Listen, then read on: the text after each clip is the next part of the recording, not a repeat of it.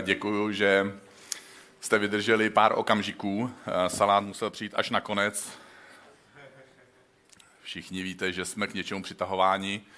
Já jsem zrovna eh, k tomuhle, co řeknu, nejsem úplně přitahován, ale, ale je, to, je to součást příběhu, nechci vás úplně vyděsit, eh, ale eh, prostě neustále se mi přidávají nějaký lidi na Facebooku, a pak se mnou vedou konverzace.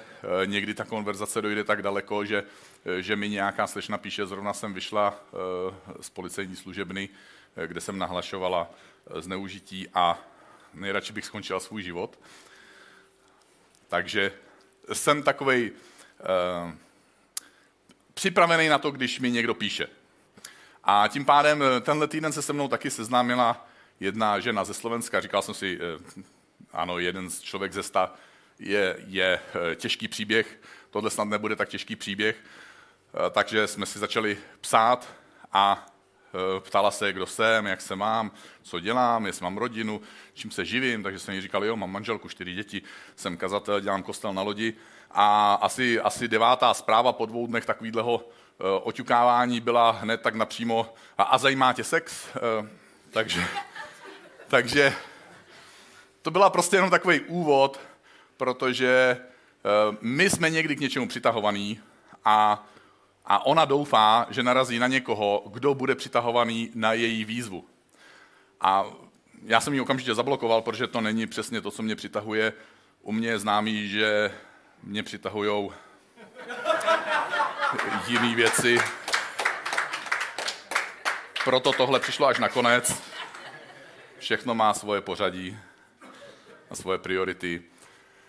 Já to budu dneska zmiňovat, ale moje manželka, tohle není reklama, jo, prosím vás, um, protože já bych rád, aby, uh, no, to je jedno, moje manželka dělá dorty a, a je to hrozně konfliktní koníček. Protože vždycky, když upeče dort, taky něco zbyde a tím pádem v lednici skončí dva dorty. Jeden jako pro klienta a druhý malej pro rodinu a já pak večer přijdu, když už všichni spí a cítím tu nebezpečnou přitažlivost. A my jsme v posledním díle série Relationship Goals, tedy cíle ve vztazích. Nevýhoda našich vztahů je, že my často si neuvědomujeme, že bychom mohli mít nějaký cíl. Máme, máme ten seznam, ale o tom seznamu mluvil, mluvil můj kamarád a kolega eh, Adam Liolias minulý týden. A když v rámci takového tématu e, cíle ve vztazích mám mluvit o nebezpečné přitažlivosti, e, tak chci hned na začátku říct, že se to netýká, to dnešní téma, že se netýká jenom vztahu. Princip, který tady dneska chci komentovat, tak, tak funguje v našem životě pravděpodobně ve všech oblastech podstatě ve většině těch oblastí se bude tenhle princip naplňovat podobně, a to podobně pozitivně nebo podobně negativně nebo destruktivně. A proto je podle mě, a to se mi snad za následujících 20, 25 minut, 30 minut, eh, snad to uvidíte podobně, jako to vidím já. A proto je pro mě důležitý dneska ráno tenhle princip popsat. Eh, přeci jen to nakonec, tedy spíš na začátek, Bůh vložil do člověka. Touhu být k něčemu přitahován. My jsme přirozeně něčemu přitahováni. I samotného Boha některé věci přitahují. A když Bůh stvořil na, na začátku ovocné stromy, tak je o nich napsáno, že byly krásné na pohled a že byly dobré, dobré k jídlu. Bůh do, už rovnou do ráje, do toho místa, do kterého přivedl člověka, vložil zrakovou a chuťovou přitažlivost, což je mimochodem dobrý vědět pro manželství. Dejte chlapovi něco, co mu bude chutnat a něco, co se mu bude líbit. Wow. A chlap se bude cítit jako v ráji. Zjednodušeně můžeme říct, že ne všechno, k čemu si přitahován,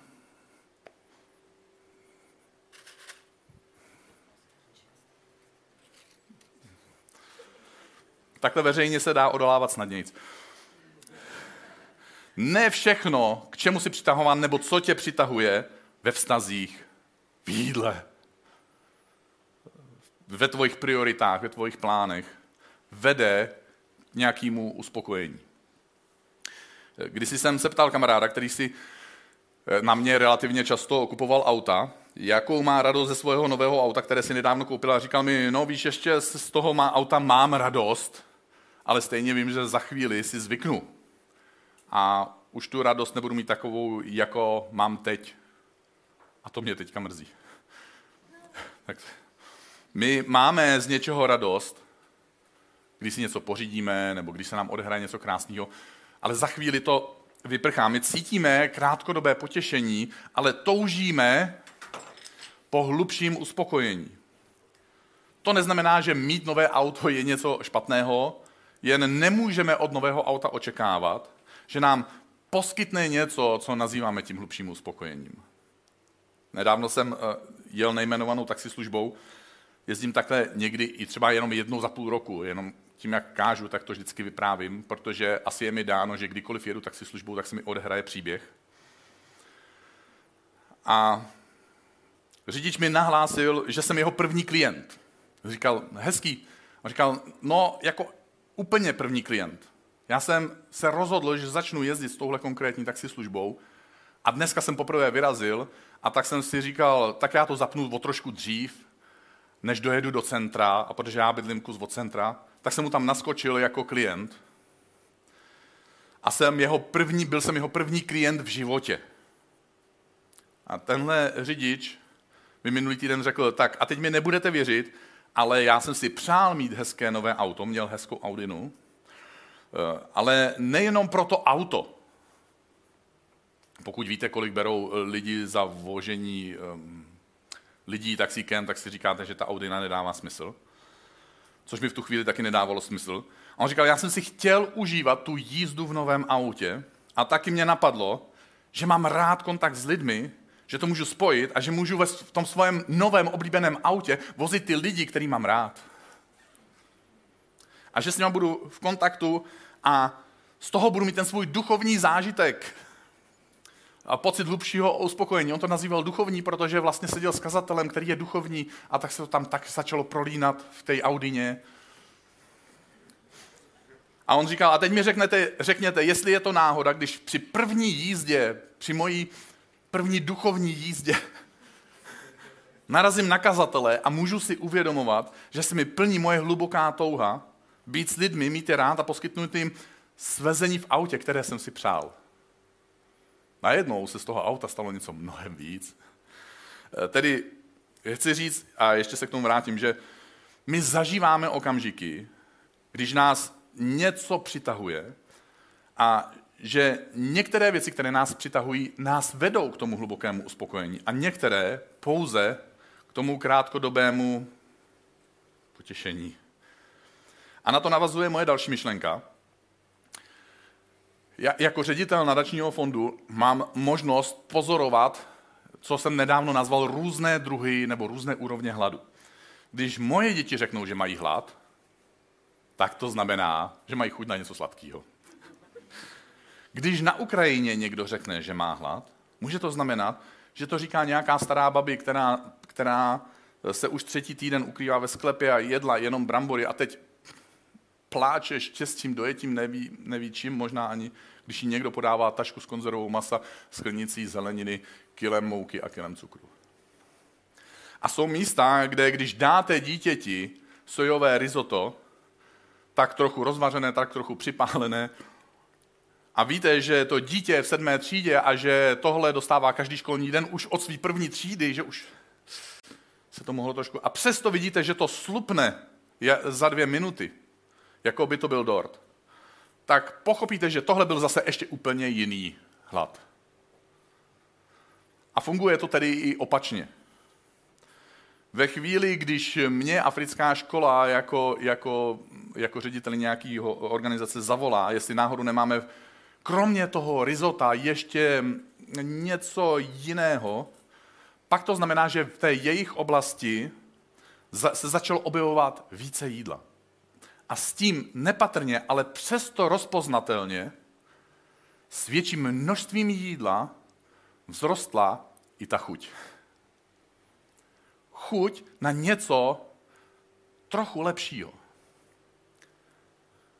nás někdy něco přitahuje jenom proto, že to, co jsme měli do posud, sice nestratilo tu svoji původní kvalitu, ale nás to trochu omrzelo, nebo nás to trochu začalo nudit. Náš hlad, ten pocit a potřeba je skutečný.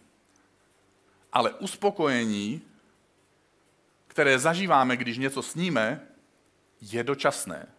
Otázka tedy je, čím se sytíš. Protože můžeš jíst něco, co má takzvané prázdné kalorie. Junk food.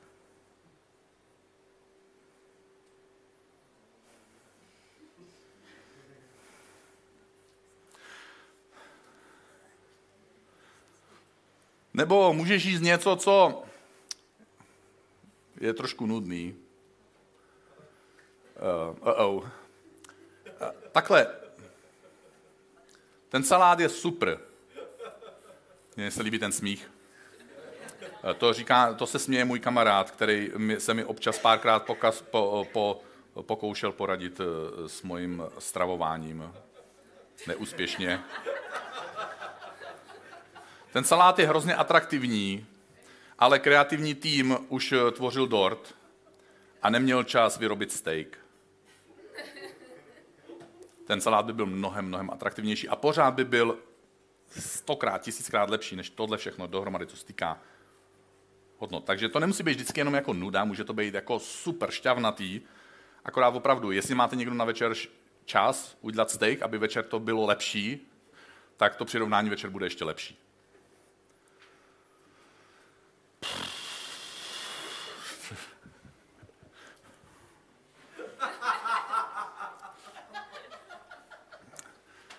My můžeme mít i to jídlo, který, který, který nám může udělat i radost, protože by tam byl ten steak, teď tam není, protože to je steak, který jste v životě neviděli, ale je tam. A může vám udělat radost a navíc vás zasytí mnohem dlouhodoběji. I když tohle je tak lákavý. Ne, nedávno mě někdo vyprávěl, že byl v Dominikánské republice. Je to jedna z mnoha zemí, kde hluboká chudoba způsobuje jedno, jednu z nejvyšších poměrů obezity v, v populaci eh, na světě. Vztahuje se to, tohle, tenhle fenomen se vztahuje na mnoho chudých zemí, protože chudý člověk doká, dosáhne díky nízkým příjmům pouze na nejlevnější komodity, jako je mouka a cukr.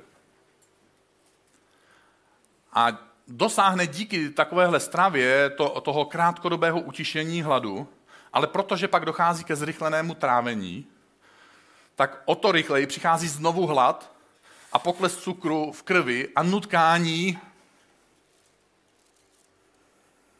zase jíst. Náš hlad je skutečný, ale uspokojení je dočasné a otázka je, čím se sytíš. Nevýhoda v našem životě je, že přitažlivost často odvádí pozornost od důležitých věcí.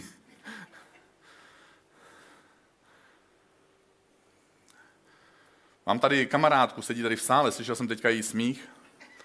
Ona, mi, ona, ona udělala neuvěřitelnou věc, začala prostě na sobě pracovat, zhubla, sportuje a ve svojí, ve svojí počáteční fázi začala dělat eh, zdraví cukrovinky. Ještě dodnes je dělá. Ještě dodnes je dělá a já dodnes mám ten jeden sáček cukrovinek, který mi dala. Protože soutěží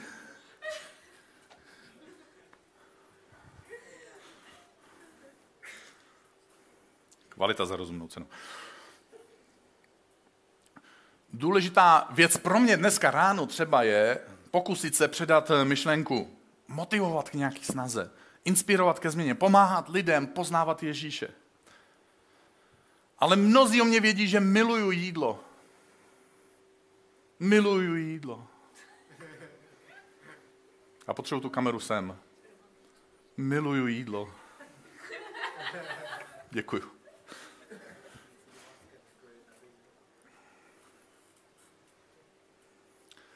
A mám rád sladké věci.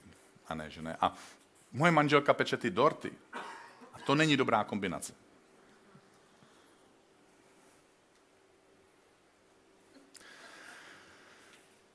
A já můžu zažít kazatelskou odbočku od tématu. A nejenom to. Přitažlivost nás často okrádá o tu hluboč, hlubší opravdovou spokojenost. Když místo předání toho, co mám na srdci, budu věnovat pozornost tomu, co mě přitahuje. Bylo by to blbý, nemám tady nůž, jo, ale já jsem schopný, já umím. Já si umím poradit. Mně nevadí skudený guláš v lednici, mě nevadí dort bez nože.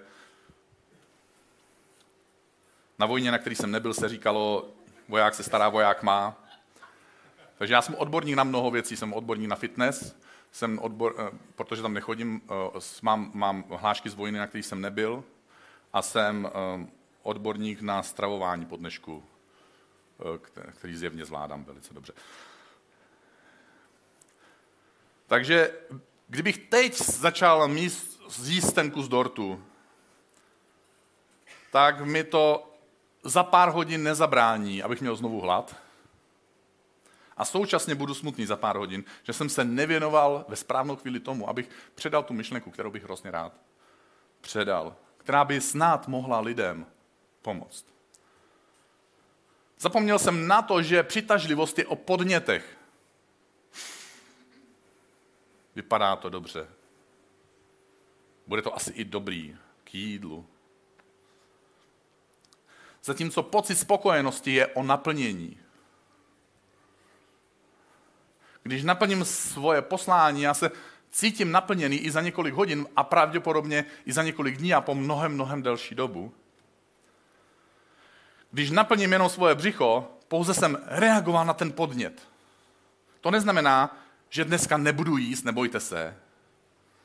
Já udělám všechno pro to, abych jen tak nezubnul. Ale budu jíst až potom, co naplním svoje dopolední poslání. Protože pro mě a věřím, že i pro tebe má poslání taky přitažlivost. To, co tady dneska Bára prezentoval, že pojede do Gambodži, to je poslání, který, ke kterému cítí přitažlivost. Ale tenhle druh přitažlivosti má jednu nevýhodu, on neumí tak křičet. Bible v knize přísloví říká, cesta se člověku může zdát správná nebo krásná. Nakonec však bývá cestou ke smrti. Neznamená to, že to takhle platí vždycky, ale někdy, kromě touhy po naplnění našeho vlastního poslání, nás přitahují věci s povrchním apelem. Junk food. Sledování zábavy místo osobního prožitku, místo, místo seberealizace. O 20 let mladší kolegyně v práci, místo ustaraný manželky, která pečuje o moje děti. Mám přeci taky právo na štěstí. A pak stačí jenom drng, drng.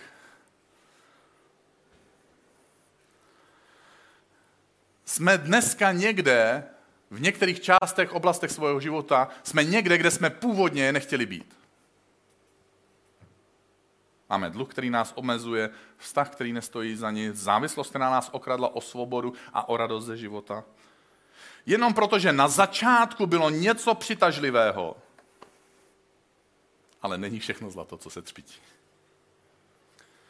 Chci rychle povyprávět jeden úsek eh, z příběhu slavného izraelského krále Davida.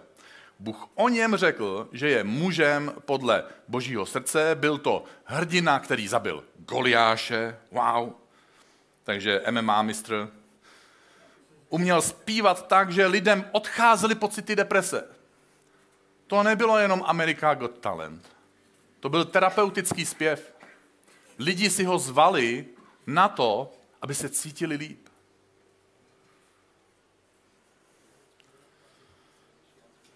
Vypadal hezky.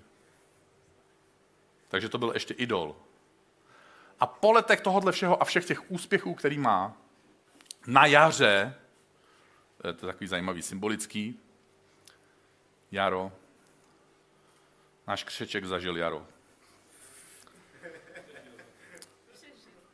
Teďka i přežil, protože, jak to říct z pódia, aby to nebylo blbý. Měl kulky tak velký jako svoje hlava a šel na kastraci.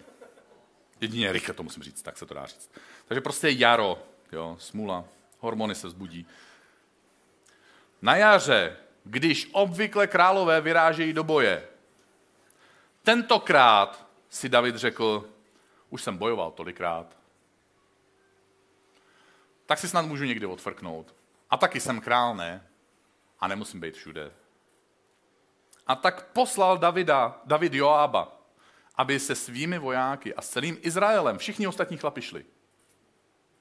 Kromě Davida. Rozdrtil Amonce. Chlap, který má poslání a nedělá svoji práci. A budu číst dál jednou, to mám počkrtnutý. Pozdě odpoledne, když David, a ještě počkrtnutý, vstal z lože. Wow. Takže tady je nějaký panáček, co pozdě odpoledne stává z lože, zatímco všichni ostatní chlapi bojují o život a riskují svoje životy a zdraví, aby zachránili a ochránili svoji vlast a svoje rodiny. Navíc je to někdo, kdo v tom je slavný a je v tom nejlepší. Ale pozdě odpoledne vstal z lože a eh, procházel se po střešní terase královského paláce. A zahlédl, koho to vidíme, královské oči. Ženu, jak se koupe. Samozřejmě, protože je to v Bibli, tak byla oblečená od kotníků až po uši. A ještě měla čepici.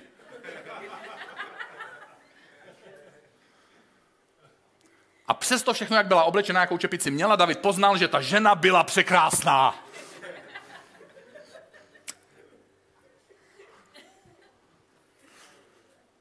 To, co David zažil v tenhle okamžik, bylo hrozně přirozené. Bůh nás takhle stvořil, znáš náš chlapy. Je to hezký na...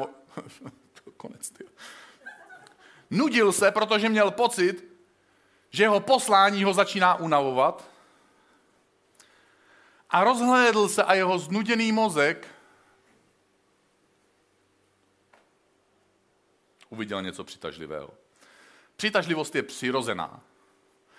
To, čemu pak dávám svoji pozornost, je moje rozhodnutí.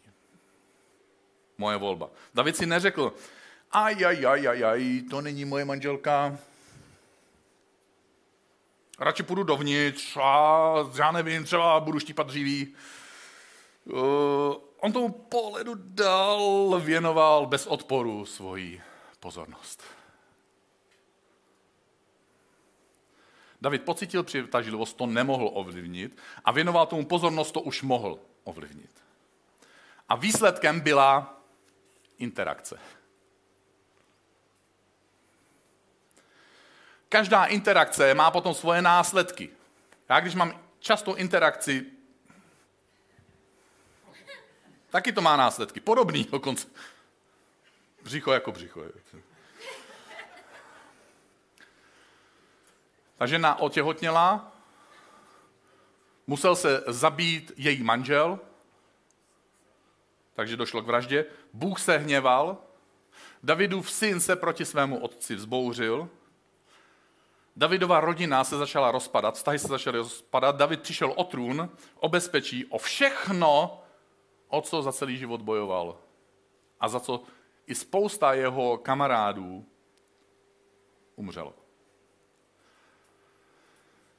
Přitažlivost je dobrá, pokud se podává Bohu. To se v tenhle okamžik Davidovi nestalo. Kdyby David potom, co pocítil přitažlivost, věnoval pozornost tomu, jaké poslání mu svěřil Bůh. Nejenom, že by se nestalo nic z toho temného příběhu, nechtěného těhotenství, zavraždění manžela, rozvratu v rodině a království.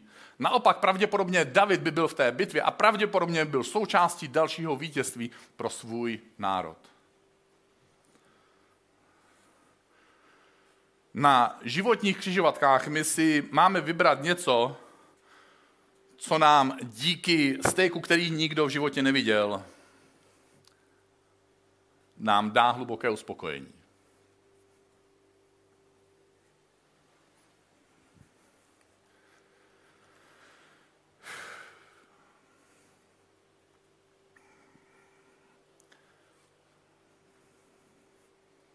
Něco, co nám dá pocit dlouhodobé sytosti. Ale pokud jsme už předtím svůj život zaplnili něčím, co má prázdné kalorie, tak se nám eh, stane to, co se děje mojim dětem, který za pár minut vyzvednu z dětského programu, jednoho ze čtyř našich dětských programů. Děkuji všem lidem, kteří tady slouží a dávají tomu svůj čas. Jsem vděčný za to, že máme církev, kde, kde můžete přijít s dítětem od 6 týdnů do 18 let a to dítě bude mít kvalitní program. Dneska jsem slyšel třeba jednoho chlapečka, jednoho tatínka, který, kterýho, a, tati, a chlapeček se optal, tati, kdy sem zase půjdeme? A on říkal, až za měsíc. A on říkal, to je škoda, mě ta Nutella na tom chlebu tak chutná. Ale máme i super program. Já, já, já, mám, já mám od rodičů eh, feedback, že, že, že děti říkají, eh, půjdeme zase do kostela na lodi, já se těším na náš program. Někdy rodiče by možná, já nevím, možná by se jim zrovna nechtělo, protože by šli na výlet, nebo by si rádi pospali, nebo mají nějakou práci. Je to krásný, když, když vaše děti chtějí jít na místo, kde se uctívá Bůh, kde se můžou o Bohu něco dozvědět. Pokud máte teenagery, my děláme jednou za čas One Youth, já vím, že vy máte svůj program jako rodiče, vím, že se vám to zrovna nehodí, protože je to neděle večer. Vím, že bydlíte daleko a že budete muset se zvednout a odvést je. Ale jestli chcete pomoct svým dětem, každý den jim platíte jim školu, platíte jim všechno, prostě oni budou mít vzdělání, budou, maj, jsou, chodí na kroužky, mají všechno. Jestli chtějí následovat Ježíše, jestli chtějí být v přítomnosti lidí, kteří eh, chtějí poznávat Ježíše, jestli chtějí být v přítomnosti na místě, kde se o Bohu mluví, já vůbec nesnižuju vzdělání ani kroužky, ale někdy my jako rodiče mineme to, že naše děti najednou po nějaký krátký okamžik svého života touží po něčem takovým a my jim to zrovna neposkytneme, protože se nám to zrovna nehodí a já to chápu, já jsem rodič, já mám čtyři děti, mě se to tak moc často nehodí. Ale je to jedna z mála věcí, které pro svoje děti můžete opravdu udělat, protože se nakonec ukáže, že je jedno, koho si vzali, že je jedno, jakou kariéru mají a jak chytrý nebo hloupí jsou ale i když jsou na tom sebe líp, vy jako, vás jako rodiče dřív nebo později bude trápit, že nepoznali Ježíše. Takže moje děti jsou teďka v jednom z těchto programů. Někdy se jim nechce, já, jim, já je motivuju různě. I kdyby to měla být Nutella. V 11.30 skončí, dostanou od tatínka, protože je měkouš. Řekla maminka jo, jako to bylo jako, to je jasný, škoda, že to tak je. To, vyznam, to znamenalo spoustu věcí najednou to jo. Ale to, to, to by bylo jiný kázání. Celý kázání. Tak dostanou donat a lízátko. A pak přijdeme na oběd ve 12 hodin. Já nemám hlad. Na to pořádný jídlo. A poštol Jakub napsal, Všechno dobré a dokonalé je dar z hůry od Otce světel. I přitažlivost je něco, co nám dal Bůh. Když Bůh uspal Adama a vzal z něj tu kost, pak se Adam probudil a pocítil přitažlivost a řekl, wow, to je kost.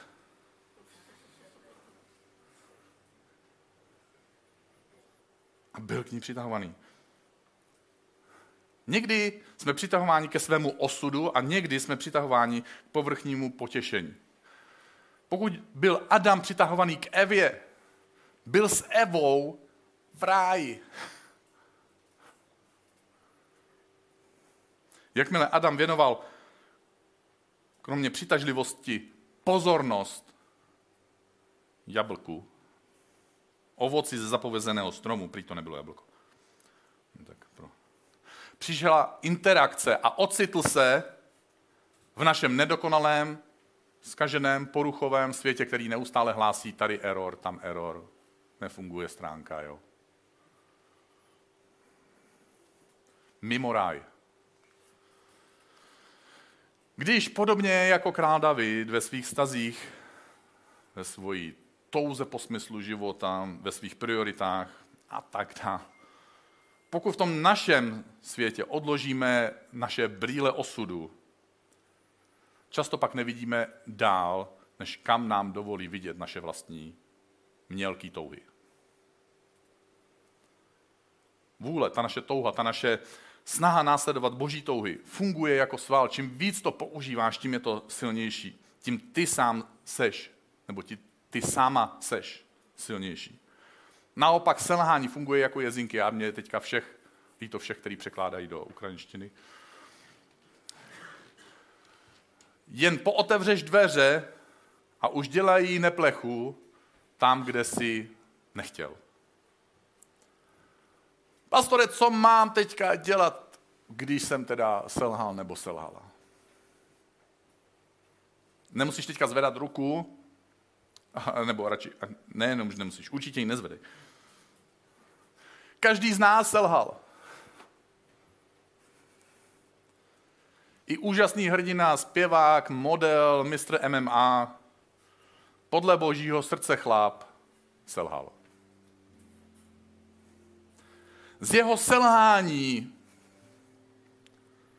z vraždy, vzešel syn, který se jmenoval Šalamoun. Šalamoun se stal asi největším izraelským králem. Za něj mělo izraelské království největší rozlohu. Byl uznávaný sousedními vládci a nakonec se stal pra, pra, pra, pra, pra, pra, pra, pra dědečkem Ježíše Krista. Bůh vzal největší životní selhání krále Davida. Bůh vzal následky jeho špatného rozhodnutí proměnil je na něco výjimečného. Nebylo to hned, neznamenalo to, že David nepocítil následky svého rozhodnutí. Nestalo se to snad proto, že by si Bůh přál, aby David tohle udělal, aby selhal. Ani ne proto, že Bůh zařídil, aby David selhal, ale stalo se to navzdory tomu a proto, že Bůh je láska. Naše přitažlivost, když jí dáme pozornost, vznikne interakce a má to následky. Bůh neměl ten plán a přesto, protože je láska, obrátí tuhle rovnici vzhůru nohama a udělá z toho něco úžasného v našem životě. Nebo v životech lidí, kteří přichází pro nás. Nebo v životech lidí, kteří jsou kolem nás. Bůh může všechno, co si prožil, všechno, co prožíváš a všechno, co prožiješ díky svým selháním, obrátit, pokud se vrátíš k němu. To je to, co udělal David v ten okamžik, když mu došlo, co spáchal.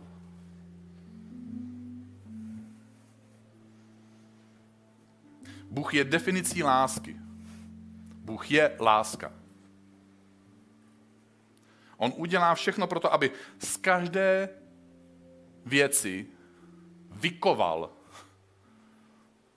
dříve nebo později něco výjimečného. Já bych se s tebou rád modlil. Jestli chceš se se mnou postavit, tak můžeš. Jestli jsi doma a chceš se postavit, tak můžeš. Protože nikdo z nás, každý si neseme nějaký následky.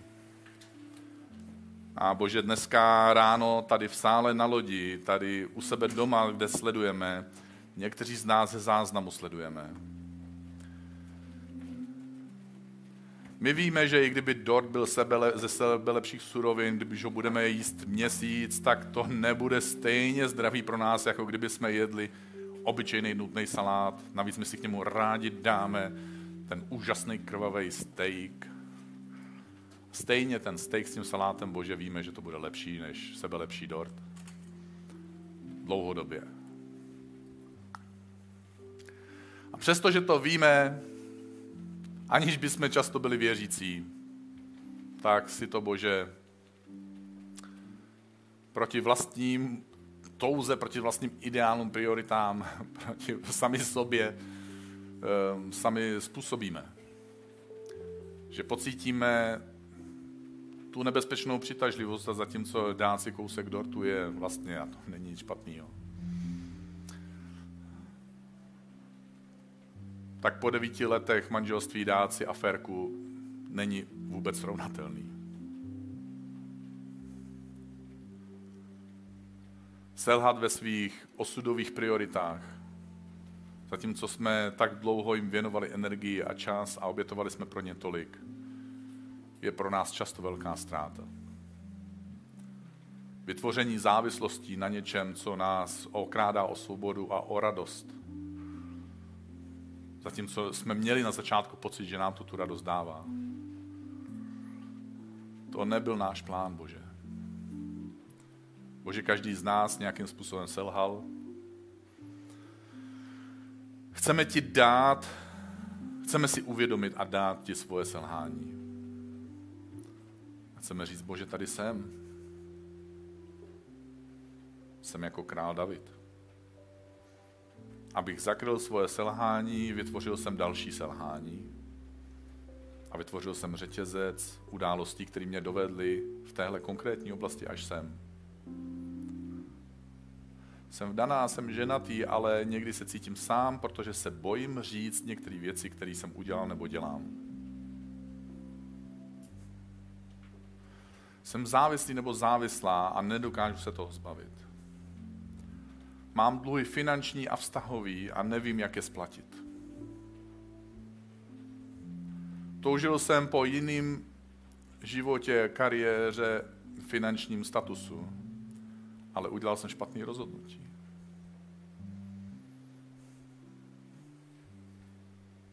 A možná máš nějakou jinou svoji větu. Bože, dneska ráno tady jsme a chceme ti říct, tady je Bože moje selhání. Tady jsou Bože následky mojeho selhání. A modlím se a děkuji ti, že jsi tak milující Bůh, že zatímco já prožívám tyhle okolnosti a následky, které asi, já nevím, co říct, dobře mi tak, nebo co, ale Bože, ty jsi všemohoucí a umíš i z mojeho selhání vychovat krále Šalamouna. To nejlepší pro království, v kterém žiju. Tvoje království. Ježíši, přijď tvoje království do mojeho srdce. Staň se mojím králem, staň se králem mojeho království, staň se králem okolností v mojem království. Ať se moje království přemění na Boží království. Každý, kdo po tomhle touží, tak řekne amen.